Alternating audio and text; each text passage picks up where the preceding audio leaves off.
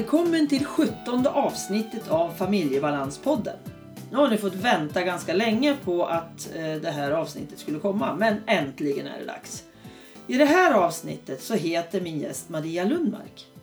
Hon är specialpedagog och har startat en webbaserad specialpedagogtjänst.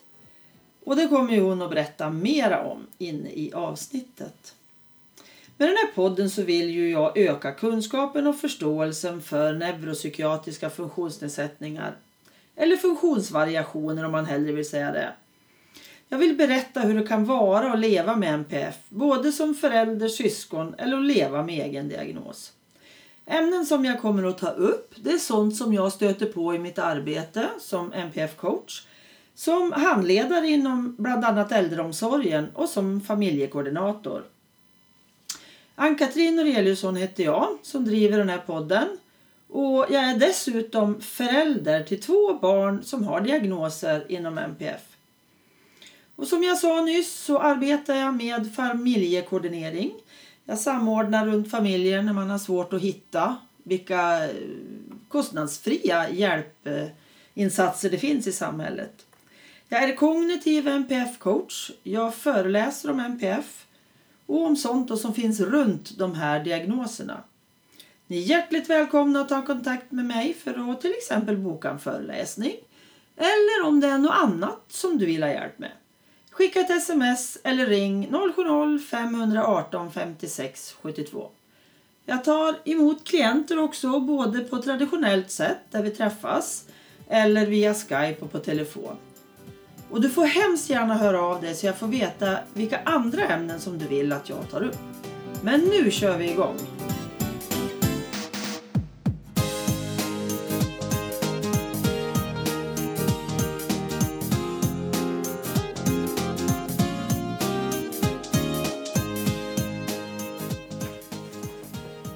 Hej Maria! Hej Ann-Katrin! Idag så är det ju du som är min gäst.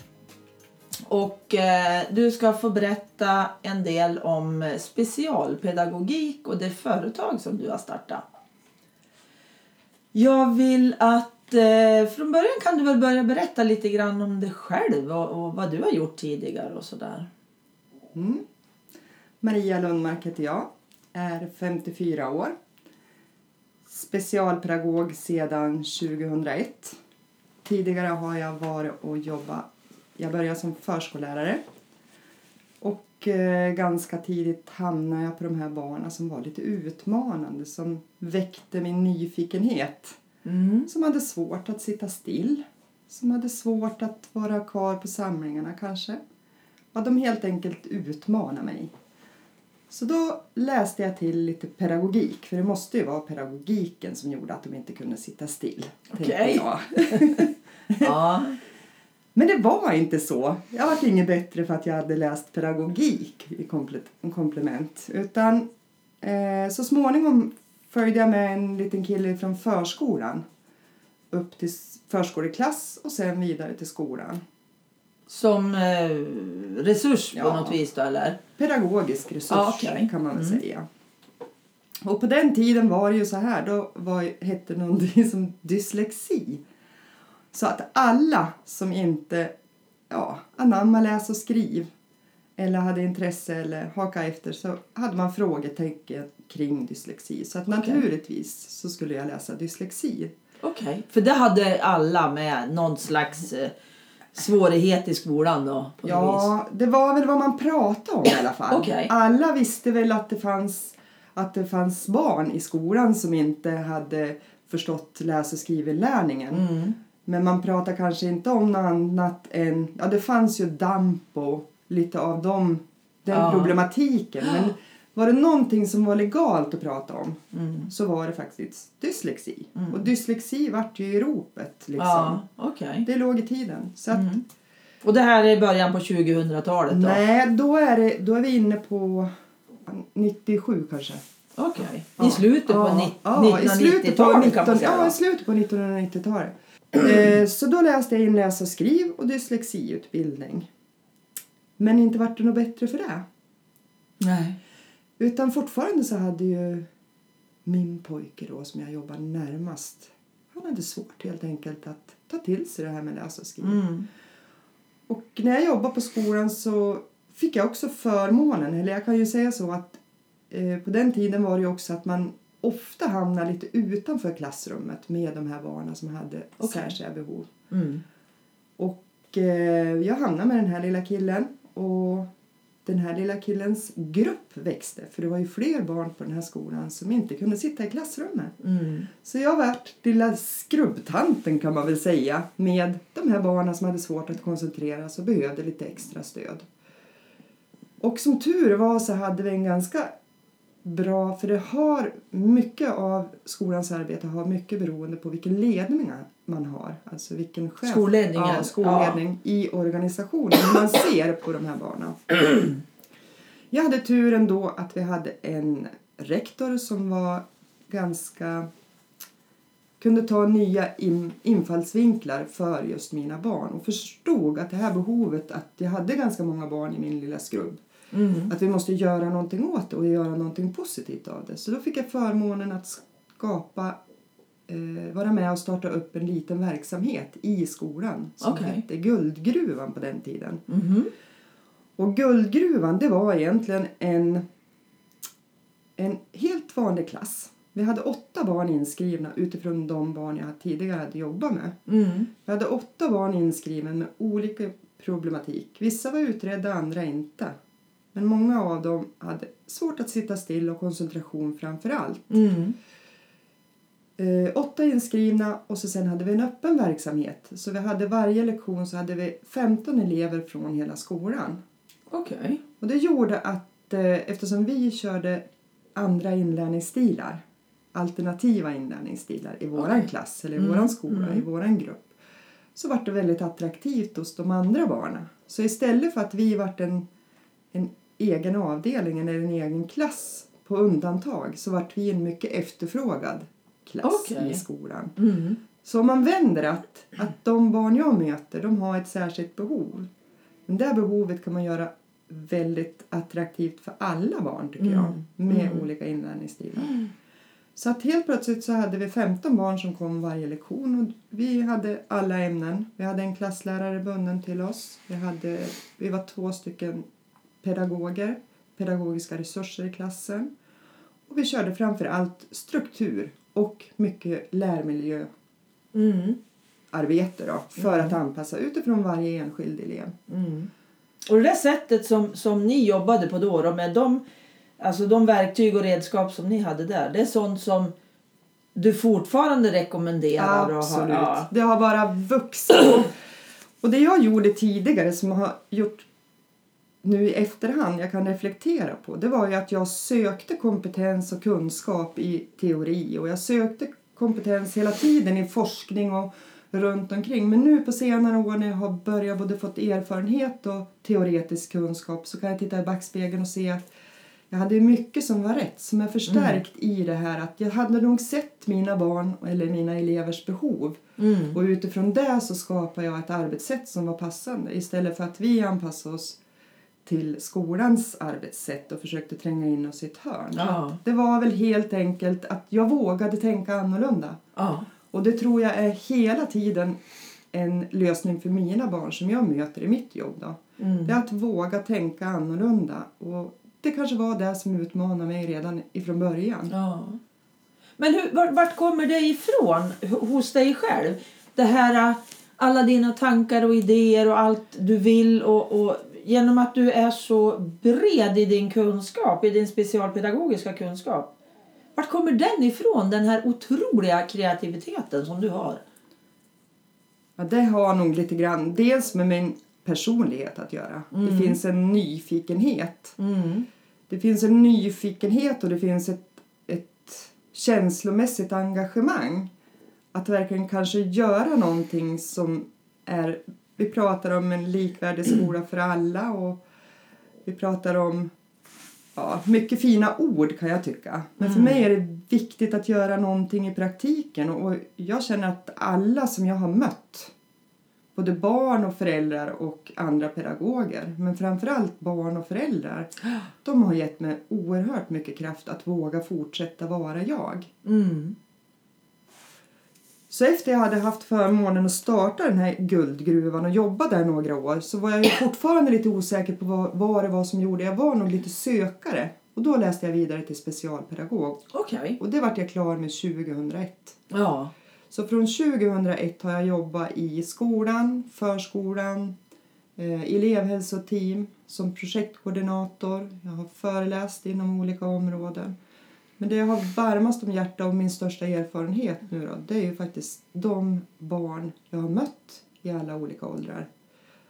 Och tar jag till med deras kunskap som de har gett mig Mm. och lägger den tillsammans med den teoretiska kunskapen som jag har läst mig till Ja. då känner jag mig ganska säker och det gör Ja. också att jag vågar att vara annorlunda. Ja.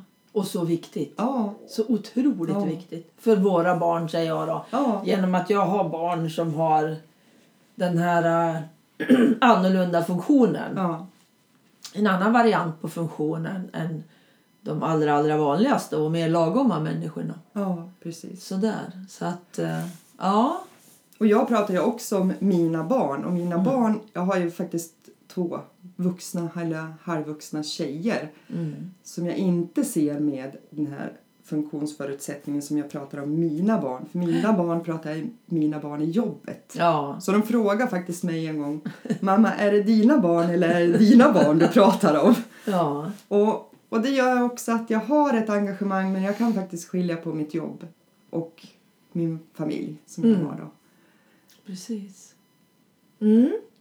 Men sen har du jobbat som specialpedagog och anställd inom kommuner mestadels va? Ja, Olika kommuner. Och eh, så tänker jag att eh, sen ville du vidare.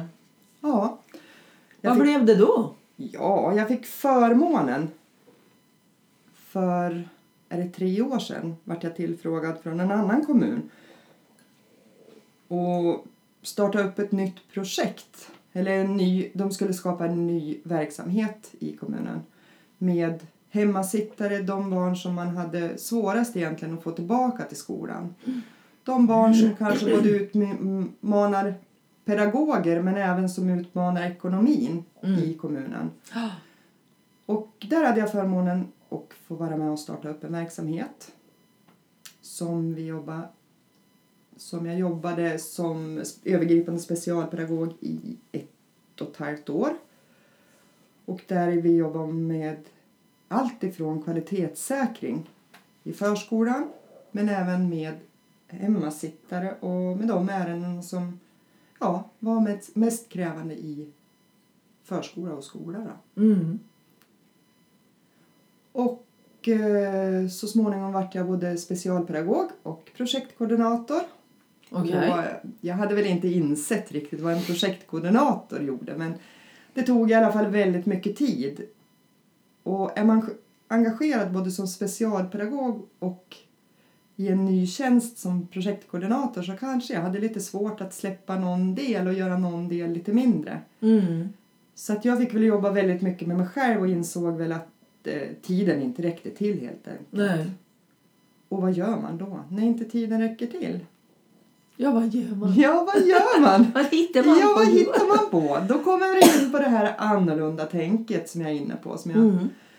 Och det är just det här att våga ta steget. Det är ingen annan som kan förändra runt omkring för mig. Utan den förändringen måste jag göra själv. Mm. Och det kommer jag väl till insikt över en helg faktiskt. Att den här förändringen måste jag göra själv. Och alternativen var inte så många faktiskt. Okej. Satte du och gjorde lista eller? Ja, jag behövde inte ens göra en lista utan jag fick fram två alternativ. Ja. Och det ena alternativet var helt uteslutet och det var att vara sjukskriven. För jag kunde inte se mig själv att jag hade det här behovet. Eller det finns faktiskt de som verkligen har behov av att vara sjukskriven. Och där var inte jag. För jag gick till mitt jobb, jag gjorde mitt jobb. Jag hade mindre och mindre fritid. Och vad skulle jag säga hos en läkare om jag kom dit? Nej. Mm. Och dessutom insåg jag att en sjukskrivning skulle innebära att jag är borta från mitt jobb men när jag kommer tillbaka finns allt jobb kvar plus lite till. Ja. För det är ingen som kan göra det. Så det var helt uteslutet och det kom jag liksom fram till att ja, men jag har ju inget fel. Det andra alternativet det var faktiskt att säga upp sig. Okej.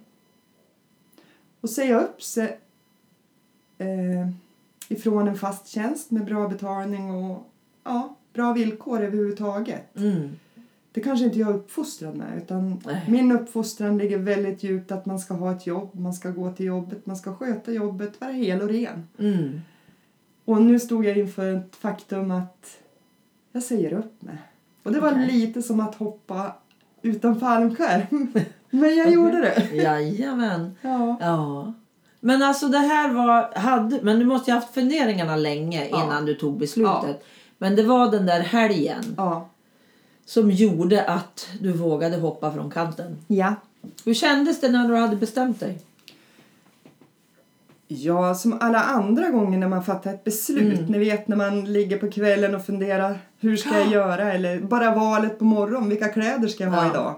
Kommer det bli kallt? Kommer det bli varmt? När jag äntligen har fattat Mm. ett beslut så är det bara att kliva ut genom dörren och det fungerar. Mm. Och så var det för mig. När jag hade fattat beslutet så kände jag att ja, ja, det löser sig. Ja. Gick du och sa upp det direkt? Jajamän. På måndag morgon då? Jajamän. Okej. På söndagen faktiskt, när jag åkte till mitt jobb. eh, Eftersom det låg i en annan kommun så veckopendlade jag då. Ja. Och när jag åker på söndag kväll till den här kommunen så hade jag redan på söndag kväll mejlat till min chef att jag, ja, ett uppsägningskontrakt till honom. Jag utgår. Ja, precis. Det finns faktiskt på varje kommuns hemsida hur man Okej. säger upp sig. Bara ett tips. Ja. Okej. Och det Ja. hittade jag. Ja. Eh, på måndag morgon så hade jag många telefonsamtal naturligtvis från en chef som kanske tycker att jag hade varit ganska otydlig i eh, mina signaler Jaha, innan liksom? innan jag Ja, ja. hade sagt upp mig. När du gick och funderade? Precis. Okej. Mm. Och backar jag tillbaka så för mig, jag tyckte att jag hade varit tydlig att jag har en hög arbetsbelastning. Eh, det är för mycket ärenden, jag har inga förutsättningar, jag bollar inte med någon. Jag sitter väldigt själv på min Ja. tjänst. Och det blev ju inget lättare när jag fick två tjänster som jag skulle Nej, fördela. Nej. Ja. Och alla jobb var viktiga för mig. Mm. Mm. Så att sorteringen tyckte inte jag att jag hade klarat av och det tyckte jag att jag hade signalerat. Men chefen kände väl inte att han hade fått vara så delaktig och det låter vi vara osagt. Så Ja. det är liksom inte, det är en tolkningsfråga. Men tillbaka att, att jag sa upp mig och att han på alla sätt ville hålla kvar mig. Mm. Det förstod jag ju när han försökte göra om tjänsten till utvecklingsledartjänst och han försökte göra om Ja, på alla, alla möjliga sätt så försökte han göra om min dåvarande tjänst Ja. till någonting som vart attraktivt. Ja. Men jag var redan så klar då att jag hade sagt upp mig och jag ville göra ett snyggt avslut. Jag ville inte att något av mina ärenden skulle bli lidande. Jag ville ha bra överlämningar. Sen ville jag lämna kommunen. Det var mina villkor då. ja. Och Hur lång tid tog det då? Eh, oktober sa jag upp mig Mm. och sista december sa jag att jag ville vara klar Ja. i kommunen. Och det gick alldeles ypperligt och naturligtvis gick de med på mina villkor och, eftersom det var ingen annan som kom till skada på det. Och under tiden så fick jag faktiskt jobb runt omkring i landet. Mm. Så jag tänkte, ja men handledningen, nu kör jag igång med mitt företag. Nu Ja. startar jag ett företag. Okej. Kom det. Ja. Och eh, ja, jag fick jobb som handledare, specialpedagogisk handledning på olika förskolor och skolor. Det var kvalitetssäkringsuppdrag. Och insåg väl ganska snart även där att det här kommer att bli väldigt mycket resande. Mm. Så då tänkte jag lite nytt utanför ramen igen. Mm. Eh, jag köper en webbkamera och så kör jag interaktiv handledning. Ja. Och då var det januari. Så jag tog kontakt med eh, IT-tekniker, jag tog kontakt med webbdesigners, jag tog kontakt och så tänkte jag, hade jag ju mina kunder, de hade jag ju redan. Ja. Är ni intresserade att bli piloter, vara med och bygga upp mitt företag? Och vi kör webbaserad handledning och vi kör då igång i januari, sa jag då. Optimist, ja men optimist det var jag och nu hade jag ju kunder och nu var det bara liksom att köpa webbkameran och köra igång. Mm. Men eh, jag har lärt mig att resan är mycket, mycket längre. Mm. Ska man bygga någonting, då är det ju grunden. Precis som du bygger ett hus. Ja. Så är det ju med företag också. Ja. Det är grunden du måste bygga först och det tar tid. Och har du dessutom spetskompetenser som IT-tekniker och webbdesigners så, så är det ju inte du som avgör när tiden finns. Utan det är ju när de har tid att bygga med dig. Ja.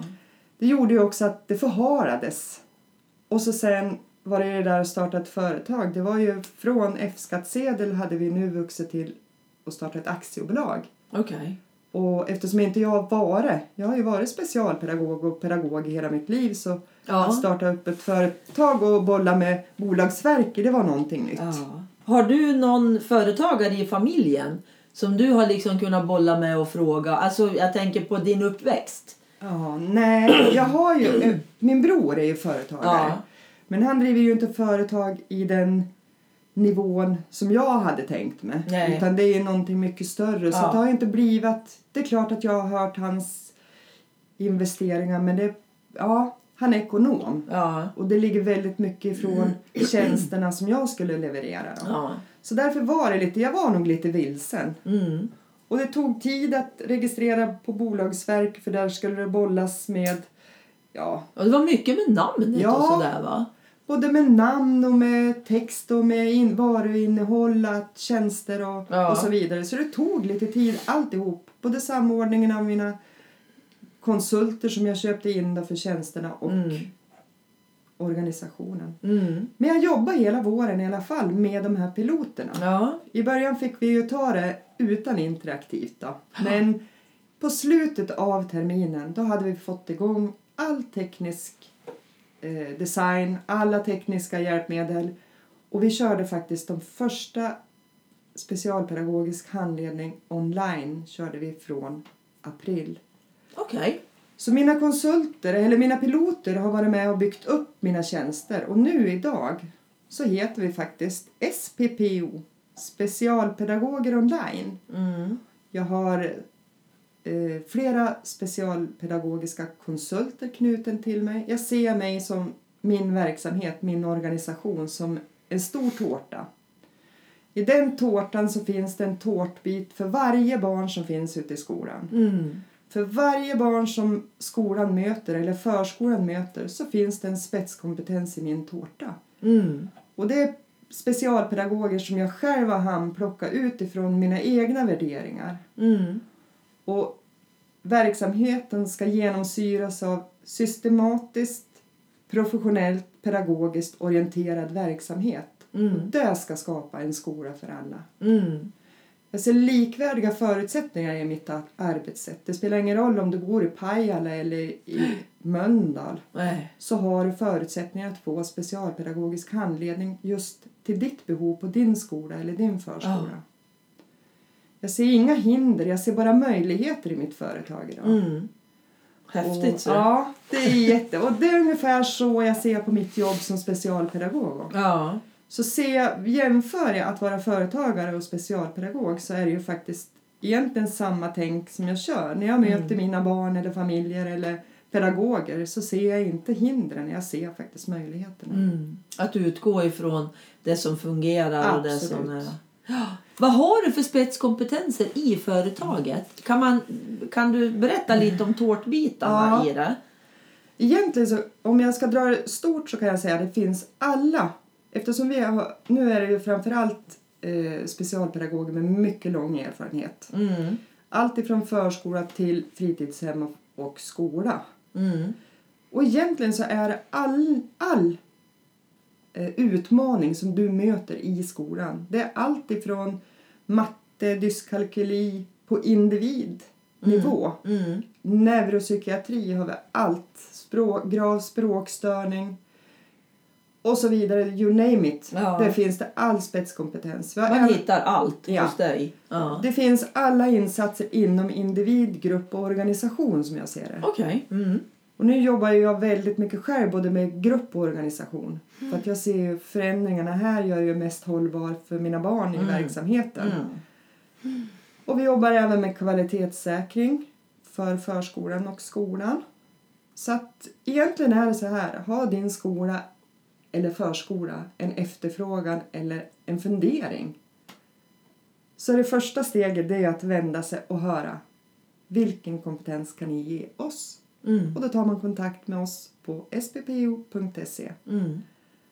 Men jag tänker så här mer då framåt. Vi säger att, någon, någon, att jag ringer till dig och så har jag ett barn. Jag behöver hjälp runt. Mm. Hur, hur går det till då? då liksom? Eh, om du jobbar som på en skola eller en förskola så tar du kontakt med oss. Mm. Eh, antingen går du in på kontaktformuläret som finns på hemsidan eller så ringer du upp. Mm. Eh, vi skickar ut en varudeklaration vad varje tjänst som vi kan erbjuda innehåller. Mm. Eh, vi skickar upp, ut prisuppgifter för varje tjänst och därefter så kan vi ta en konsultationstimme Mm. som finns att söka på vår hemsida. Mm. Konsultationstimmen det är egentligen att vi kartlägger er problematik. Och utifrån kartläggningen eller rådgivningen antingen så löser vi problemet på den timmen Mm. eller så rekommenderar vi vidare åtgärder för dig och din verksamhet. Då. Mm. Och då kan det vara allt ifrån abonnemang, alltså processhandledning som vi säljer. Och processhandledning den pågår under en månad när vi handleder en till sex pedagoger eller förskolechefer, rektorer eller andra Mm. verksamma elevhälsa eller ja, det som är behovet på i din verksamhet. Då. Mm. Men under en månad säger Mm. du då. Hur mycket har jag tillgång till er då, då under den här månaden? Under den här månaden så har du en personlig handledare Okej. Du får tillgång till ett eget rum där du har allt material förvarat. Allt material som är utifrån handledningen. Ett virtuellt rum Ja. heter det då va? Ja, När det är på nätet ett liksom. webbaserat rum Mm. som endast du och jag har, eller den pedagog, eller specialpedagogiska handledaren har tillgång till. Ja. Eller ditt arbetslag. Du har lösenord och sånt där Ja, som det är lösenord som du går in. Här under den här abonnemangstiden så jobbar vi aktivt i det här rummet. Det Mm. innebär att vi har, eh, vi har både inspelade handledningar. Jag, kan, jag har handledning varje vecka, eller specialpedagogen som är knuten Ja. till det här abonnemanget har handledning varje vecka med dig eller arbetslaget. Mm. Handledningen spelas in. Det gör att du kan gå tillbaka och titta på den. Och som jag ser det som en vinning för verksamheten och arbetslagen och avdelningarna så är det att jag tar inte av din planeringstid som du ska verkställa mina åtgärder på. Nej. Jag tar inte av din konferenstid och jag behöver inte samordna alla tillsammans utan ni kan titta på filmen, handledningsfilmen. Det räcker ju att jag har en av er Ja. med på handledningen. Filmen finns inspelad, finns i rummet.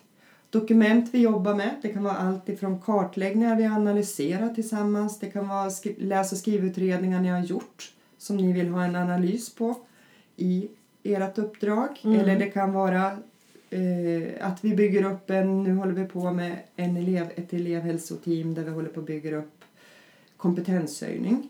Och då har vi den processen som pågår hela månaden. Och då har vi handledning, vi har material, vi för dokumentation, levande dokumentation som vi mejlar till eller som finns i det här rummet som är kommunikationen emellan. Så egentligen som jag ser det så har ni mer tillgång till mig i det här arbetssättet än i arbetssättet ni hade av mig när jag jobbade ute i verksamheten. För här har du hela tiden möjlighet att ha kontakt med mig för eftersom jag checkar av mitt uppdrag eller mitt abonnemang, jag har ansvar för det, så blir det att jag kollar upp hela tiden. Det kommer upp en flagga helt enkelt. Och det gjorde jag inte när jag var ute i verksamheten. Utan då gjorde jag mina åtgärder, mina insatser och så försvann jag. Och så kom jag tillbaka efter ett tag. Mm. Och Eh. dessutom var det bara i en kommun då. I en kommun. Nu har Ja, alla ja, kommuner i hela ja, Sverige möjlighet. Ja. Sen ser jag också fördelarna med att eh, jag ser att jag har fått ett, genom att jag har haft de här pilotuppdragen under våren. Nu har vi ju gått in i en ny tid eftersom vi öppna företag i höst då, så har vi, Mm. nu har vi riktiga ärenden. Men under pilotuppbyggnaden så såg jag också fördelen av att av utvecklingen i verksamheterna. Den vart mycket mer hållbar än Ja. när jag var ute och jobbade själv. Eh, när jag åkte ut så ville man gärna att jag skulle komma ut och titta och ja, komma ut och titta på honom eller titta på verksamheten eller titta på henne eller Mm. nu använder jag pedagogernas ögon att titta på barnet eller titta på verksamheten. Mm. Det gör ju att jag öppnar ju deras ögon. Ja, visst. Förut då var det ju mina ögon som såg vad Ja. problemet eller vad åtgärden skulle innehålla. Mm. I och med att jag handleder pedagogerna eller förskolecheferna eller rektorerna eller de som är knuten i abonnemanget att se verksamheten med mina ögon så blir det också hållbara åtgärder. Mm. Och jag ser att vi har nått resultatet till en utveckling mycket snabbare än när jag gjorde det. Mm. Fantastiskt. Ja, så jag ser, jag ser bara fördelar. Sen är det ju det här att det är ny, ett nytt arbetssätt. Mm. Eh, frågan jag ställer mig, är marknaden mogen för det?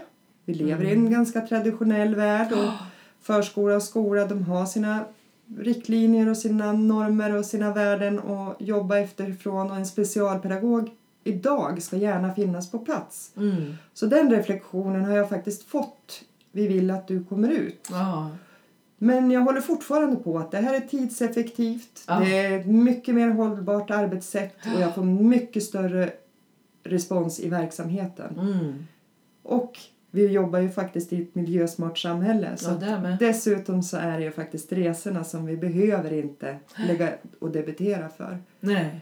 Och så ser jag här har vi möjlighet att skaffa en likvärdig utbildning för alla oavsett vart jag föds i världen. Mm. Så har vi faktiskt både läroplan för förskolan och skolan som vi ska följa och vi har skollagen som vi ska följa. Och nu kan vi faktiskt göra det genom att anlita vår spetskompetens som Mm. finns i specialpedagoger online. Precis, och jag tänker också så här som du säger när, när man ska åka ut då till olika verksamheter. Det tar ju mycket tid bara att förflytta sig. Det kan ni ju ha fall och hjälpa till istället och vara genom att ni är uppkopplade där ni finns. Så att det är jättemånga fördelar Ja. tycker jag det låter Ja. som. Ja, och jag ser att även att, eh, effektiviteten på våra möten, när jag kommer ut på en handledning, eh, ni kanske har varit med i arbetslag eller arbetsgrupper, så antingen är det jag som alltid kommer insläntrande sent eller någon annan som kommer lite insläntrande sent eller någon som får ta mobilen eller det ringer eller någon knackar på dörren. Ni vet de här yttre störningarna som Ja. påverkas. Inte en enda sån har jag haft sedan jag började de här handledningarna. För att det känns som att vi har eh, lagt en ribba med, med högre kvalitet även på pedagogerna som, som möter mig Ja. över webben. Eh, vi säger att de här webbaserade tiden blir så dyrbar. Egentligen så är den lika dyrbar när jag kommer ut fysiskt. Men det är inte så den upplevs. För att det blir mer en vardagssituation. Ja. Här kommer man inte med kaffekoppen eller vi kommer inte för sent eller vi har inte. Utan här kommer vi med våra frågor taggade till tänderna och det blir kvalitetstid. ja, verkligen. Ja, så att det, jag, jag ser... Säkert finns det massor med fallgropar Ja. och säkert finns det massor med saker som vi måste utveckla. Men idag ser jag bara möjligheter. Ja. Fantastiskt tycker jag. Mm. Tycker det är jättehäftigt. Härligt med nya idéer och nya arbetssätt. Ja, Istället för att bara tro att det traditionell- traditionsbundna är det enda som går. Mm. Men det är därför det, det är så häftigt med dig. För att du har så mycket tänk utanför boxen som man säger då. ja. Tycker jag. Ja, Och det är därför det har gått så bra för många av dina barn också. ja, Att de har fått möjligheterna genom dig med ditt tänk. ja.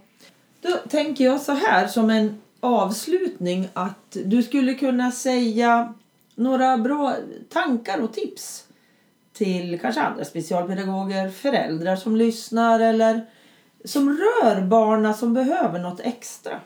Mm. Någonting som jag har med mig, som jag använder mig ganska ofta som i min profession som specialpedagog. Det är i varje möte när jag har föräldrar. Mm. Så tänker jag, hur skulle jag känna som förälder om jag satt på den där stolen? Mm. Att ha ett ödmjukt bemötande trots min kunskap där jag inte behöver slänga mig med massa konstiga ord eller men ändå vara väldigt rak och saklig. Mm. Det har varit viktigt för mig Ja. när jag har mött eh, när jag har haft egna behov. Jag vill veta hur det är och jag vill veta hur mina barn mår och jag vill veta vad som är bäst för mina barn. Men på ett, ett sätt som är med respekt tycker jag. Ja. Så varje gång jag möter föräldrar, det är att möta dem med respekt och med den kunskap som de faktiskt besitter. Mm. Så jag tycker föräldrar för mig de har varit ett, ett bra komplement Mm. till att se barnen i förskolan och skolan Mm. och använda er av det på ett respektfullt och in- förtroendeingivande sätt. Mm. Eh, sen för barna kan jag ju se, det är också en, en del som jag kanske har haft med mig väldigt tidigt. Att lyssna på barna. Mm. Och då menar jag redan, redan riktigt, riktigt små barn. Eh, De vet oftast vad de mår bra av Mm. om du ställer rätt frågor. Mm. Eh, Jag pratar inte så mycket om diagnoser. Jag pratar inte så mycket om funktionsnedsättning. Eller? Utan jag pratar nog väldigt med, mycket om funktionsförutsättningar. Mm. Funktionsförutsättningar för mig, det har vi ju allihopa. Mm. Men de ser väldigt olika ut. Precis. Med eller utan diagnos. Så att egentligen så är det ett intresse att veta vem är du? Mm. Vad har du för funktionsförutsättningar? Vilka behov har du? Och utifrån de här starka sidorna, att bygga på motivation, bygga på barnets egna krafter, för ett barn föds med egna krafter. Och det är en konst ibland att hitta dem. Mm. Och allra helst om de har gått längre tid i skolan, för då har vi ofta lyckats att ta bort den där kraften. Mm. Eller kanske skamfila dem lite grann. Det Mm. Självförtroende och själv, ja, självinsikt överhuvudtaget kanske vi vuxna har gjort lite kantstött kan jag tycka. Då. Mm. Och ju tidigare vi kommer in med åtgärder ju mer ska vi liksom vara rädda om den här förutsättningen som barnen föds med. Mm. En nyfikenhet. En nyfikenhet och Mm. vilja. För varje barn föds som ett oskrivet blad med vilja att lära sig saker. Sen lär vi oss på olika sätt och Ja. vi lär oss olika saker och vi tar till oss olika saker. Mm. Men jag har aldrig någonsin mött någon som vill göra fel. Nej. Utan alla jag har mött, det är faktiskt, alla vill. Mm. Sen har vi olika rätt och fel också, men Mm. att lyssna mycket på dem. Mm. Eh, att inte vara rädd. Som vuxen har vi ett ansvar kan jag tycka. Oavsett om jag är förälder eller pedagog eller chef så har vi ett ansvar att våga tänka utanför. Mm. Att våga tänka annorlunda och att bana vägen på det sättet. Mm. För jag tror att gör vi en verksamhet för mina barn, mina barn i mitt jobb, Ja, då tror jag att det blir en verksamhet för alla barn. absolut. Så vända på smeten, eller Mm. steken, eller vad man säger. Vänd på det. Och gör en skola för alla. Det är inte att anpassa mina barn till skolan, utan det är att ge verktyg så att vi kan förstå och tänka som de barn jag möter. Mm. Det passar alla. Precis.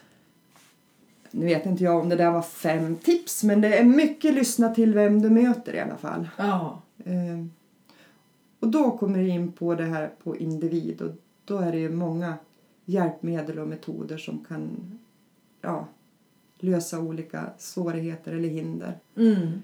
Men framför allt att våga, våga tänka utanför. Sök den hjälp ni behöver. Ni Mm. är inte ensam, den finns. Ibland kanske vi får stöta huvudet väggen och hamna fel på olika ställen men det finns hjälp att få. Och Mm. våga söka den för, ert, för dig eller för ditt barn eller för Mm. din verksamhet. Mm. Man kan aldrig söka för mycket. Nej, precis. Och det finns en hel del att hitta, men det kan vara svårt. Det kan vara svårt, absolut. Men ja, Mm. Mm. Ska vi säga tack så mycket nu? tack så hemskt mycket för att jag fick komma Ja, och tack, vara med. tack Maria. Det Ja. var jätteintressant att lyssna på dig. Och eh, kan tänka sig att vi återkommer med något poddavsnitt längre fram och se vart ditt företag tar vägen. Och sådär, vad som händer. Så tack så mycket. Tack så jättemycket själv. Hej då! Hej då!